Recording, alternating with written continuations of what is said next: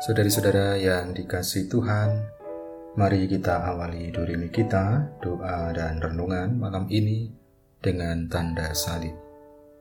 Dalam nama Bapa dan Putera dan Roh Kudus. Ada seorang bernama Mur yang adalah seorang dokter terkenal dan dihormati. Melalui tangannya sudah tak terhitung nyawa yang diselamatkan dia tinggal di sebuah kota tua di Perancis. 20 tahun yang lalu dia adalah seorang narapidana. Kekasihnya mengkhianati dia lari ke pelukan lelaki lain. Karena emosinya, dia melukai lelaki tersebut. Maka dia dari seorang mahasiswa di universitas terkenal menjadi seorang narapidana. Dia dipenjara selama tiga tahun. Setelah dia keluar dari penjara, kekasihnya telah menikah dengan orang lain. Karena statusnya sebagai bekas narapidana, menyebabkannya ketika melamar pekerjaan menjadi bahan ejekan dan penghinaan. Dalam keadaan sakit hati, Mur memutuskan akan menjadi perampok. Dia telah mengincar di bagian selatan kota. Ada sebuah rumah yang akan menjadi sasarannya Para orang dewasa di rumah itu semuanya pergi bekerja, baru pulang ke rumah sore hari. Di dalam rumah hanya ada seorang anak kecil, tunanetra, yang tinggal sendirian. Dia pergi ke rumah tersebut, mencongkel pintu utama, membawa sebuah pisau belati, masuk ke dalam rumah. Sebuah suara lembut bertanya, "Siapa itu?" Mur sembarangan menjawab, "Saya adalah teman papamu. Dia memberikan kunci rumah kepadaku." Anak kecil ini sangat gembira. Tanpa curiga, ia berkata, "Selamat datang, namaku Gai. Tetapi papaku malam nanti atau mungkin lebih cepat sore hari dia baru sampai ke rumah. Paman, apakah engkau mau bermain sebentar dengan saya? Dia memandang dengan mata yang besar dan terang, tetapi tidak melihat apa pun. Dengan wajah penuh harapan, di bawah tatapan memohon yang tulus, Mur lupa kepada tujuannya dan ia langsung menyetujui. Yang membuat dia sangat terheran-heran adalah anak yang berumur 8 tahun dan tunanetra ini dapat bermain piano dengan lancar. Lagu-lagu yang dimainkannya sangat indah dan gembira. Walaupun bagi seorang anak normal harus melakukan upaya besar sampai ke tingkat seperti anak ini. Setelah selesai bermain piano, anak ini melukis. Sebuah lukisan yang dapat dirasakan di dalam dunia anak tunanetra ini. Seperti matahari, bunga, ayah ibu, teman-teman, Dunia anak tunanetra ini rupanya tidak kosong, walaupun lukisannya kelihatan sangat canggung, yang bulat dan persegi tidak dapat dibedakan. Tetapi dia melukis dengan sangat serius dan tulus. Paman, apakah matahari seperti ini? Mur tiba-tiba merasa sangat terharu. Lalu dia melukis di telapak tangan anak ini beberapa bulatan. Matahari bentuknya bulat dan terang dan warnanya keemasan. Paman, apa warna keemasan itu? Dia mendongakkan wajahnya yang mungil, bertanya.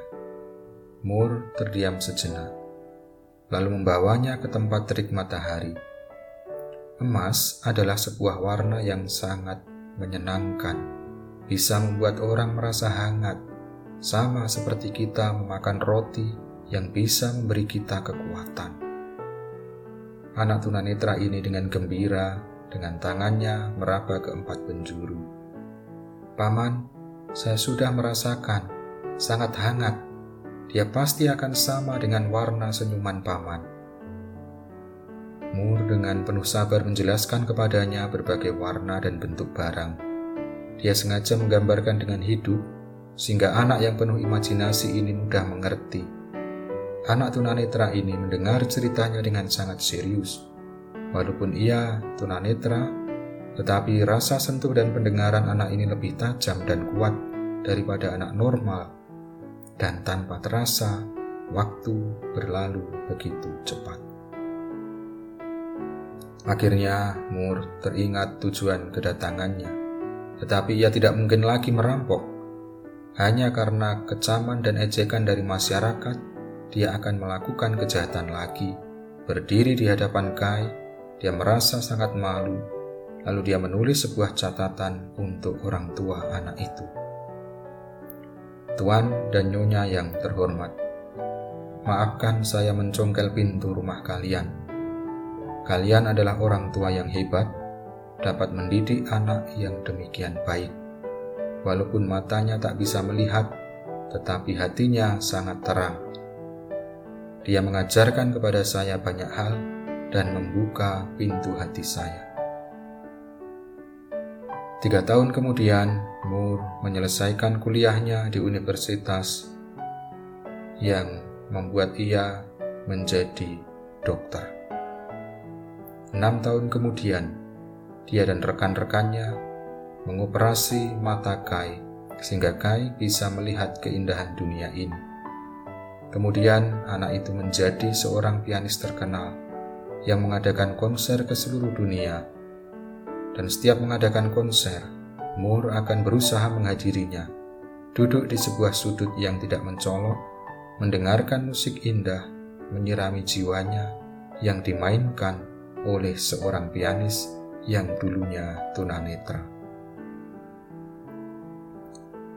Saudara-saudara yang dikasih Tuhan, ketika Moore mengalami kekecewaan terhadap dunia dan kehidupannya, semangat dan kehangatan Kai kecil yang tunanetra ini memberikan kehangatan dan kepercayaan diri padanya. Anak kecil yang tinggal dalam dunia yang gelap sama sekali tak pernah putus asa dan menyia-nyiakan hidupnya. Ia membuat orang menyadari betapa besar vitalitas dalam hidup ini, dan semangat ini menyentuh ke dasar hati Mur. Cinta dan harapan akan dapat membuat seorang kehilangan niat melakukan kejahatan.